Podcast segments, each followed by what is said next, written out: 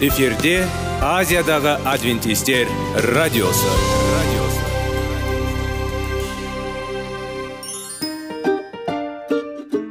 сәлем достар. Денсаулық өмір бұлағы және біздің бірінші байлығымыз демекші денсаулық сағаты рубрикасына қош келдіңіздер. Біздің рубрикада біз әртүрлі факторларменен мәліметтерменен кеңестерменен бөлісіп шын жүректен сіздердің дендеріңіз сау болғанын қалаймыз. Сол үшін біздің рубрикаға қош келдіңіздер. Дайындалып тұрыңыздар. Өйткені келесі минуттарда қызықты фактілерге ие боласыздар. Енді достар ең бірінші байлығымызды қолымызға алып алға кеттік.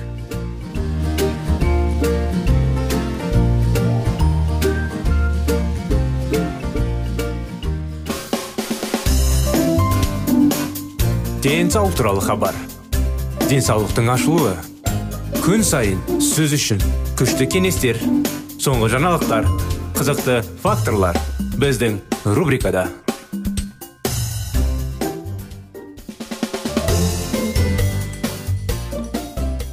армысыздар сәлеметсіздер ме? Ассалаумағалейкум біздің құрметті достар. Құрметті радио тыңдаушыларымыз сіздермен бірге денсаулық сағат бағдарламасы. Сіздермен бірге әрдайым денсаулыққа пайдалы кеңестер мәліметтер фактілер жайлы диалогтар жүргіземіз кітаптар оқимыз. Біздің бағдарламада болып тұрыңыздар. Әрдайым құрметті достар. Көп нәрселерді мүмкін сіздер білесіздер. Бәлкім кейбір заттар сіздер үшін жаңадан ашылады. Сондықтан қазір сіздерлердің назарларыңызға дұрыс әдеттер пайдалы әдеттер десек те болады.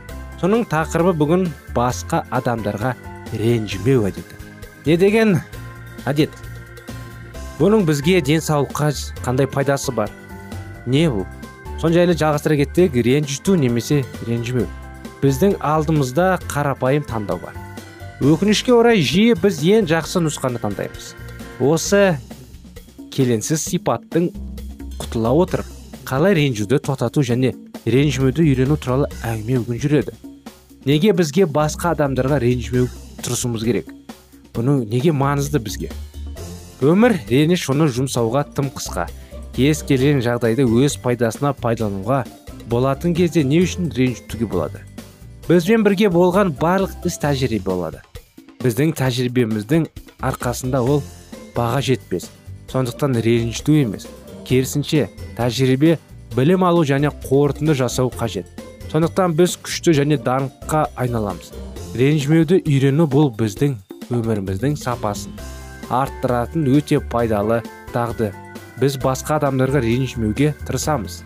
Кезде не болады? Өмір жарқын. Бақытты болады ал біздің қарым қатынасымыз үйлесімді болады. Біз жағдайды түсінбейтін ең алдымен адамға ренжиміз. Нәтижесінде түсінбеушілік немесе басқа біреу кінәлі екені анықталады.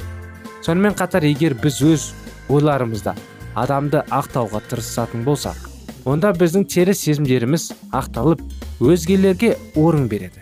Біздің денеміздің денсаулығы мен бейбіт өмір сүретін неғұрлым позитивті. Егер біз басқа адамдарға үнемі ренжісек не болады? Қандай әсер болады? Аяғы неде ренжіс теріс боялған эмоция. Ол теріс болған жағдайда өміріңізді тозаққа айналдырады.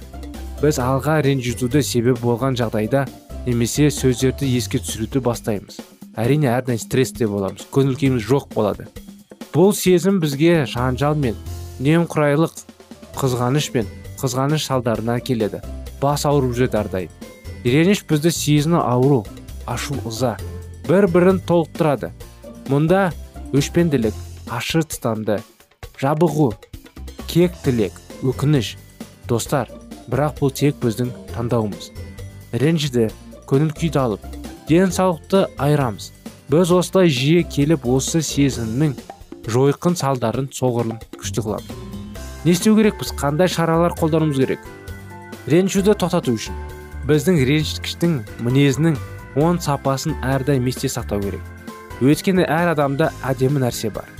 Біз жиі осы адамның қандай да бір қосымша теріс қылығына шоғырланамыз. Бірақ біз үшін бұрын жасалған жақсы нәрселерді назарға алмаймыз. Яғни біз жақсылықты лайықты деп қабылдамаймыз. Ал бізге ренжіген кезде піл шымынан жиі үрлеп қалғанын жақсы ұмытамыз. Сізбен болған барлық жауапкершілікті қабыл алыңыз. Біздің өмірімізде болған барлық оқиғалар өз таңдауымызды нәтижесі. Ештеңе бекер емес. Мысалы бізді ренжіткісі келетін адам бірденені үйрену үшін бізге жіберілуі мүмкін. Ал біздің басқа әуетті ренжітіміз. Өзінің шынайы келбетін аша алады. Біз де ризамыз. Айтпақшы ақылды адамдардың қарапайым мұраны ұстану пайдалы. Ақылды адамдар ренжімейді қорытынды жасайды. Мінекей осындай кеңес не деген керемет ақылды адамдар ренжімейді олар қорытынды жасайды. Сондықтан құрметті достар біз біреуге ренжімеуге тырысайық. Ренжісу әсіресе жанұяларда жастардың арасында. Күйеу мен әйелдің арасында. Ренжіс болып. Бір бірімен сөйлеспей бара бара бір бірінен алыстап әрине ақыр аяғында өкінішке орай ажырасуға айналады. Сондықтан құрметті достар ондай жағдайға жетпейік. Бір бірімізді түсіне білейік. Бір бірімізбен қалжыңдасақ та бір бірімізбен сөйлесе білейік. Әрине бұл жайлы тағы тақырыптарды бұл жөнінде шын сөйлесейік бағдарламамызда. Толығырақ айтылады. Кішігірім сіздерге қозғап айта, айта кетсем әрине бір біріңізбен сөйлесіп жүріңіздер. Бір біріңізді ренжіп қойсаңыздар да. Қайсыңыз кінәлі болсаңыз да кінәлі емес болсаңыз да бір біріңіздің бар қолыңыздан ұстап кешірім сұрап кеш болмай тұрған кезде бір біріңізбен ақылдасып әңгімелесіп не ұнады не ұнамады бір біріңізге түсінуге тырысыңыздар. Бұл керемет. Әрине бір біріңізді түсініп болған соң қарым қатынастарыңыз жалғасады. Бір бірің қарым қатынастарыңызды нығайтыңыздар күшейтіңіздер. Ренжімеуге тырысыңыздар. Үйде де сыртта да осындай кеңестер құрметті достар. Жақындарымызға және жақындарымызға ренжітіп ренжуді тоқтатайық. Сол арқылы біз денсаулыққа сақтап жақсарамыз. Стрессте болмаймыз басымыз ауырмайды әрине. Салауатты өмір салты бірінші кезекте біздің ой салтына басталады. Дұрыс ойлауға тырысайық біреуді кешіруге тырысайық біреуді біз өзімізді ренжітіп қойсақ оған кешірім сұрайық. Егер де біз біреуді ренжітсе онымен жай ғана бір жерге келіп отырып түсіндірейік бір бірімізге реніштерді алып тастауға тырысу керек. Осындай кеңестер бүгінгі күнде осындай ақпарат осындай мәліметтер денсаулықты күте білейік. Осымен бағдарламамыз аяғына келіп қалды достар. Сіздерді қуана келесі бағдарламаларымызда күтеміз. Әрине жаңа айта кеткендей бізде денсаулық сағат бағдарламасынан бөлек жүректен сөйлесейік бағдарламасы да бар. Қарым қатынас жайлы керемет тақырыптарда әңгімелейміз ол бағдарламада да. Және де одан кейін рухани жаңғыру бағдарламасы. Әрдайым біздің бағдарламалар сіздерге көмек береді деп үміттенеміз өйткені маңызды құдайдың арқасында керемет мәліметтер алып өзімізді бақытты қылуға тырысуға қолымыздан келген нәрселердің бәрін орындауға тырысамыз. Мінекей бағдарламамыз аяғына келгенмен сіздерге келесі бағдарламада қуана күтеміз. Келесі жолға сау болыңыздар.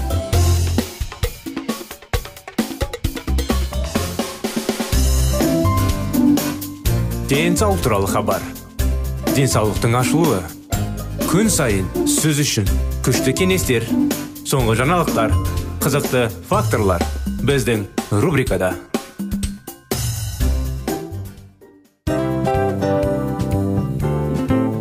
Әуелі байлық денсаулық екінші байлық он саулық үшінші байлық ақ жаулық. Ал енді осындай радио парақшадан кейін не дейміз? Барлықтарыңызға денсаулықтарыңыз зор болсын деп тілейміз. Денсаулықтың өзгеруі кішкентай нәрселерден басталады. Осымен біз берген кеңестер мен мәліметтер шын жүректен сіздер үшін қандай да бір болсын жәрдем берді деп үміттенеміз. Тыңдаушыларымызбен келесі радио парақшасына дейін қоштассамыз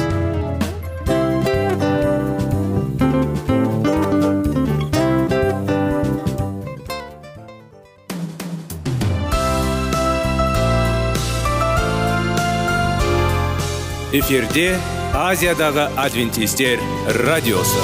Радиосы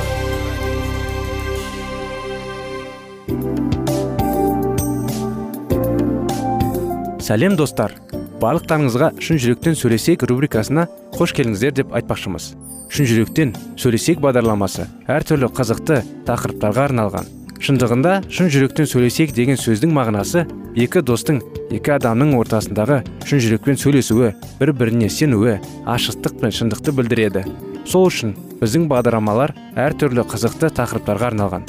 Дайындалыңыз жаңа қызықты мәліметтерге ие болуға. Ондай болса кеттік.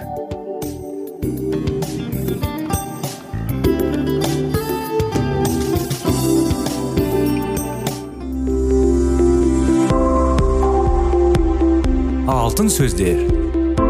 Сырласу қарым қатынас жайлы кеңестер мен қызықты тақырыптар. Шын жүректен сөйлесейік рубрикасында.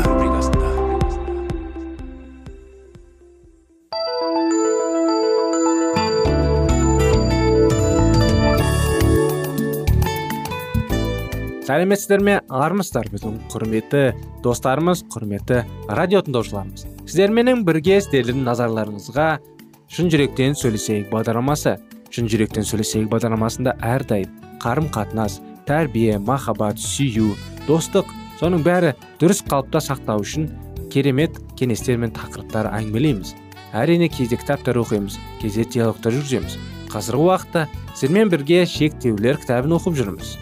Соны жалғастыра кетсек құдай сәтсіз болып шыққан талпынысты айыптамайды. Ол осы талпынысты жасамауды айыптайды. Адам келе жатқанда сүрініп құлап содан соң орнынан тұрып ары қарай жүруге талпынса ол үйренеді. Ал егер адам талпыныстың мүлдем жасамаса бұл жақсылыққа әкелмейді. Онда жамандық жеңіске жетеді. Құдай өзінің енжарлық туралы пікірін былай білдіреді. Әділ адамның сенімі арқылы шынайы өмір сүреді. Ал кім қаймағып бағыттан кере қайтса мен оған риза болмаймын. Бірақ біз алған бағытынан кері қайтып тозақтан түскендердің қатарынан емеспіз. Қайта құдайға нық сеніп мәңгі құтқарыланықпыз құдай ең жарлықты ұнатпайды. Ең жарлықтың жан дүниеміз үшін қаншалықты зиянды екенін көрген кезде біз оның бұған төзбеуінің себебін түсінеміз. Құдай біздің жан дүниемізді сақтағанымызды қалайды. Шектеулердің рөлі біздің меншігіміз бен жанымызды айқындап оларды қорға болып табылады. Мен балапан жұмыртқадан шығар кезде оны өздігінен жарып шығу тиіс екенін туралы естідім. Әйтпесе ол өліп қалады екен. Балапан өзінің кішкентай жайлы әлемнің осы дүниеге жұмыртқадан қабын өз бетінше жарып шығу тиіс. Бұл оны қатайтып кейін сыртқы ортада аман жүруіне көмектеседі. Егер де балапанды қабыршақтан өздігінен жарып шығу мүмкіндігінен айыратын болса ол өліп қалады. Құдай біз үшін де осыған ұқсас жол дайындап қойды. Егер ол біз үшін жұмыртқаның қабыршығын жаратын болса біздің жұмысымызды атқарып шекарамызды бұзса онда біз қаза табамыз. Біз енжар болуға белесінділік көрсетуден қорқуға тиіс емеспіз. Шектеулердің тек ынталы іскер адам болғанда ғана орнауға болады. Бір сөзбен айтқанда есікті қағу іздеу және сұрау қажет. Ашықтық заңы өз шекараларыңызды жасырмаңыз. Шекаралар бұл сіздікінің өзгелердікінен бөліп тұратын сызық. Ол сіздің аумағыңыздың қай жерде басталып қай жерден аяқталатынын анықтайды. Бұл сызықты не үшін жүргізуіміз керектігінің себептерін біз жоғарыдан қарастырып кеттік. Бір себеп бәрінен артық тұз. Сіз бос кезіңізден тіршілік етіп жатқан жоқсыз. Сіздің тіршілігіңіз құдаймен және айналаңыздағы адамдармен үнемі қарым қатынаста болуыңыз арқылы өрбиді. Ал сіздің шекараларыңыз сіздің жеке өзіңізді айналып қоршап тұрады. Шекаралар негізінен біздің өзара қарым қатынастар жасау арқылы тіршілік ететінімізге негізделген. Демек шекаралар жақсы қарым қатынастар үшін және сайып келгенде сүйіспеншілік үшін қажет. Сіз шекараларыңызды өзгелерге көрінетіндей етіп орнатуыңыз қажет. Адамдармен араласқан кезде оларға атап өтілеріне болмайтын сызықтың бар екенін көрсету керек. Адамдармен қарым қатынас барысында болатын қорқыныштардың кесірінен көптеген қиындықтар туындайды. Олар бізді барлық жағымызды қоршап алады. Біз өзімізді көңілі сезінуден бірлеуге ұнамай қалуды қорқамыз қорқыныштың болуы біздің сүюге қабілетімізді көрсетеді. Ал құдай біздің сүюді үйренгенімізді қалайды.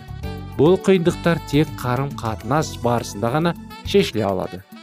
Бұл қорқыныштар бізді басқа жолмен жүруге мәжбүрлейді. Біз құпия адамдардың өздеріне көрінбейтін шектеулер орнатуға тырысамыз. Өзіміз жақсы көретін адамдарымызға оның атап өтуін қаламайтын шекарамыздың бар екенін ашық айтудан орнына біз тұйықталып өзімізбен өзіміз болып кетеміз. Өзімізді ренжіткен адамға жанымыздың қалай ауырып тұрғанын айта алмай іштей қақпаланамыз көбіне біз біреудің жауапсыздығының кесірінен болатын жан ауруына үнсіз төземіз ал мұның орнына оның қалғының зардап шегіп жүрегімізді бетіне айтқанымыз дұрыс болар еді. Сонда бұл әлгі адам үшін өте пайдалы болуы шығуда ғажап емес. Басқаша жағдайлар да болады. Күйеуінің айтқандарына 20 жыл бойы үнсіз көніп келген әйел кенеттен ажырасуға арыз береді және сол арқылы өзін сезімдерін білдіріп шекараларын орнатады. Немесе ата ана балаларына өз сүйіспеншіліктерін үнемі олардың айтқандарын орындау арқылы көрсетеді. Олар өз жұмыртқарына ашулағандармен шектеулер орнатпайды. Қарым қатынаста адалдық жетіспейтін болғандықтан өскен кезде балалар өздерін сүйікті сезінбейді. Ал ата ана олар үшін осыншама істегендерге көргенсіз осы ма деп ренжиді. Бұл мысалдарда қарым қатынастар шектеулердің айқын болмағандарын көрсетінен бұзылды. Мына маңызды шындықты ешқашан ұмытпау керек. Шектеулер бар және олардың бар екенін айналамыздағы адамдар хабарлайтын не хабарламайтынымызға қарамастан біз олардың әрекетін сезінеміз. Жат жерден келген адамның жергілікті заңды білмегендіктен зардап шеккенде егер айналамыздағы адамдарға шектеулеріміздің шынайы екенін білдірмейтін болсақ біз де дәл осылай солай да зардап шегеміз. Егер біз мұны тура көрсете алмайтын болсақ онда оны жанама тәсілдер арқылы көрсетеміз. Келі кітапта бұл мәселені көп талқыланды. Паулдың мына сөздерін ой еркілерінің өткізінеді. Сондықтан өтірікті тастап әрқайсын басқаларға шындықты айтыңдар. Бәріміз біріккен бір рухани дүние мүшелеріміз ғой деп келі кітапта жазылған. Осымен құрметті достар бағдарламамыз аяғына келді. Сіздерді келесі бағдарламада күтеміз. Келесі жолға дейін сау болыңыздар.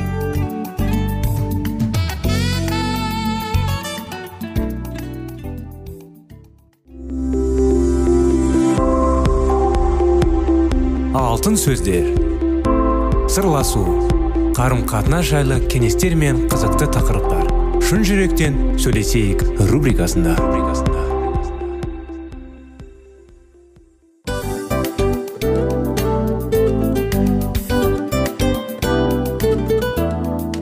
Құрметті достар барлық ең соңғы кеңестер аяқталған соң біздің программамыз соңына келіп қалды.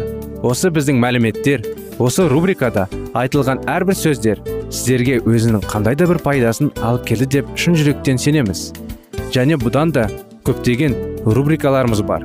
Басқа рубрикаларымызда біздің зерттеулерімізде сіздер үшін тағы да қызықты мәліметтер дайын. Біздің шын жүректен сөйлесейік парақшамызда көптеген әдістер ең соңғы кеңестер адамның нравственность жақтан моральдық жақтан тазалап байыта тұрған соңғы кеңестердің барлығын жанарады. сондықтан алдыңғы күндерде бізбен бірге болыңыздар. Өйткені барлық қызықтар алдыда. Бізбенен бірге болғандарыңызға үлкен рахмет. Келесі кездескенімізше сау сәлемет болыңыздар.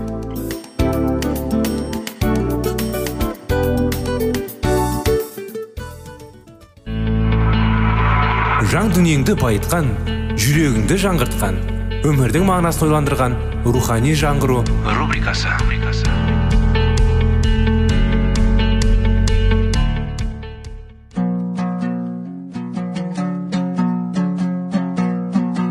Ассалаумағалейкум біздің тыңдаушыларымыз. Келі кітаптың шындығын ашып берген қысқа бағдарламасына қош келдіңіздер. Барлығынан жоғары жаратушы біздің қарыңғылықта жалғыз қалдырып қойған емес. Өйткені ол келешекте не болу керек екенін киелі кітаптың парақтарында ашып береді.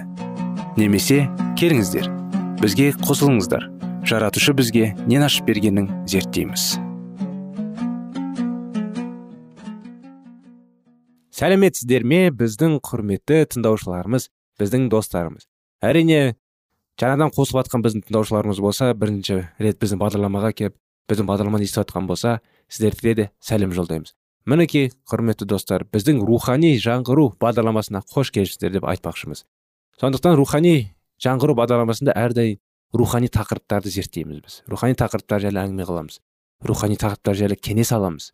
Әрине диалогты жүргізіп кей кезде рухани кітаптарды оқып иә дұрыс естіңіздер оқып тыңдап кей кезде өзімізге үлгі алып ойланатындай өмірінің мағынасы жайлы ойланатындай тақырыптарды өтеміз.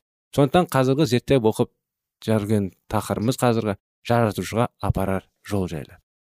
Сондықтан соңғы өткен тақырыпта біз кішкене еске ала өтсек кешірім жайлы өткен едік. Кешірім күнә жайлы. Күнәнің өзіміздің ақталамайтынымызды өйткені енді рухани жаңғыру қалай енді? Құдайға апаратын жолдың кітабінде біраз енді тақырыптар бар ғой.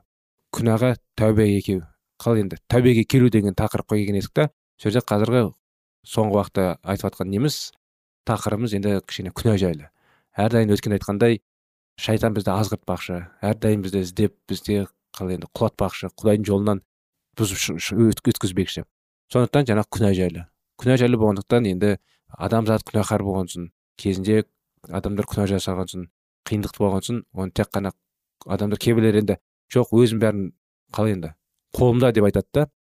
Бәрін өзім өзгерте аламын деп бәрі дұрыс болады деп өзім істей аламын деп. Өкінішке орай ол емес. Өйткені тек қана оның бәрін құдай ғана көмектесе алады. Өйткені кішкентай күнә үлкен күнә деген жоқ.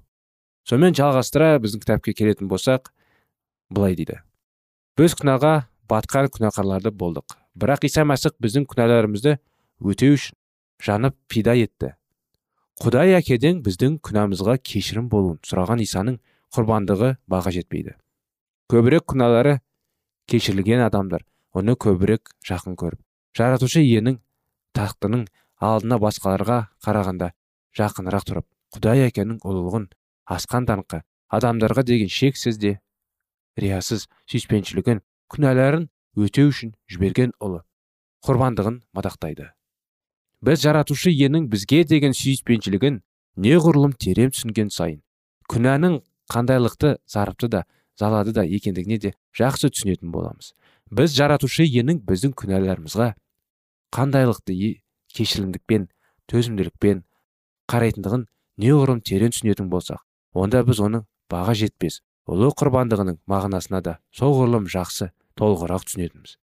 Біз құдай әкенің өзімізге деген ерекше кешірімділігін біздерді күнәнің бауғындайын құтқаруымыз үшін иса мәсіхтің өз өмірін пайда ететін ұлы құрбандығын көріп жан дүниемізбен сезген сәтте біздердің жүректерімізде жан сезімдеріміздің нәзік қылын тереңде ерекше сөздердің пайда болады.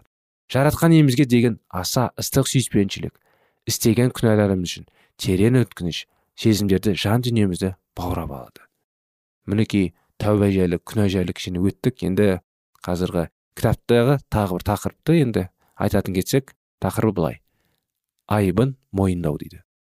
Өзінің қылмысын жасырушылар табысқа жете алмайды. Ал қылмысын мойнына алып ондай әдеттердің арылғандар кешірімге ие болады. Құдайдың кешіріміне парасаттылық қарапайымдылық әр әділдік жағдайында ие болуға болады. Жаратушы ие күнәларымызды кешіру үшін біздің шаршап жылдығып қалжырап қиналуымыздан талап етпейді. Оның мұқұлдауына ие болу үшін біздің қажып шаршап алыс жерлердегі қажылықтарға барып немесе жаратушы иенің біздің жансыздықтарымыз бен күнәларымызды өтеу үшін өз тұлғамызды бәсекеге түсірудің де қажеті жоқ. Ақиқатында кім өз күнәларын мойнап алып тәубеге келетін болса сол кешірімге ие болады. Елші былай дейді сауығып кету үшін жасаған күнәларыңды бір біріне айтып мойындап бір бірің үшін сыйыныңдар дейді. Сендер құдайдың алдында ғана өздеріңді күнәларыңды мойындаңдар өйткені ол ғана сендерге кешірім етеді. Бірінің алдында бірің теріс қылдықтарыңды мойындаңдар егер досыңды немесе көршіңді жәбірлеген боласыңдар да өздерінің теріс қылықтарыңды мойындауыңда керек. Ал олардың парызы сендерді кешіру. Бұдан соң құдайдан кешірім сұрау керек. Өйткені өзінің жәбірлеген бауырың құдайдың ұлы. Оны жәбірлей отырып сендер ол адамды жаратқан жаратушы ие мен құтқарушыны жәбірлеңдер осылардың барлығы да жаратушымыз бен ақтаушымыз шынайы жаратушымыз ұлы да ақиқи дін. Қызметшісіне айтып беріңіз. Өйткені ол біздің дәріміздіктерге қауіпсіздіктарымызға жанашыр бола алады. Ол бізге жаны ашымайтын сол жақтарымызды түсінбейтін діни қызметкер емес. Осылай көмекке мұқтаж керісінде оны мейірімділігі мен рақымына ие боламыз. Сонда ол біздерді барлық кесел кесметтерден кір таңықтарымыздан тазарта алады. Құдайдың алдында бас иіп оған мойын ұсынбаған және өздерінің айыптарын мойындамаған адамдар құдайдың оларды қабылдай алмайтындай басты шарттарының бірін орындамағаны. Егер күнәлар үшін өкініп тәубеге келу сезімін біз басымыздан өткізбесек өзіміздің істеген заңсыздықтарымызды жек көріп істеген күнәларымыз үшін бар жан дүниемізге қайғырып тәубеге келмесек онда біз әлі де өзімізді істеген күнәларымызға кешірім жасауға талпынып талпанбағанбыз осындай керекте де батылы істі жүзеге асырмайынша біз құдайдың әлеміне ие бола алмас едік. Біздің өткен өмірімізде істеген күнәларымыз мына істерге байланысты кешірімге ие бола алмайды. Өзіміздің жүректерімізді құдайдың келі сөздеріне баяндалған шарттарын орындауға көндіріктеп ол шарттарын орындамасақ онда біз күнәларымыз үшін кешірімге ие бола алмаймыз. Бұл ретте айқын нақты түрдегі өсиет сөздер мен уағыз сөздер берілген. Қауымдастарпен қауымдастықтарпен бірге немесе оңаша отырып шынайы көңілдерінен бір ықылас ниеттерімен жүректеріңді шынайы сездермен өздерінің істеген күнәларыңды мойындау аларында болады. Мінекей достар осындай мүмкіншілік бар бізде. Құдаймен бірігу үшін құдайдың кешірімін алу үшін. Біз бәрін мойындауымыз керек. Әрине бір бірімізге қателік жасап бір бірімізге әрине зұлымдық жасақ күнә жасасақ оны бір біріміз алдымызда мойындап бір біріміздің күнәларымызды енді бір біріміз алдымызда кешіру ол парыз дейді ғой жаңағындай сондықтан достар мінекей бұл тақырыптың жалғасы келесі жолы болады. Бүгін бізбен болғандарыңызға әрине рахмет сіздерге. Келесі кездескенше сау саламатты болыңыздар.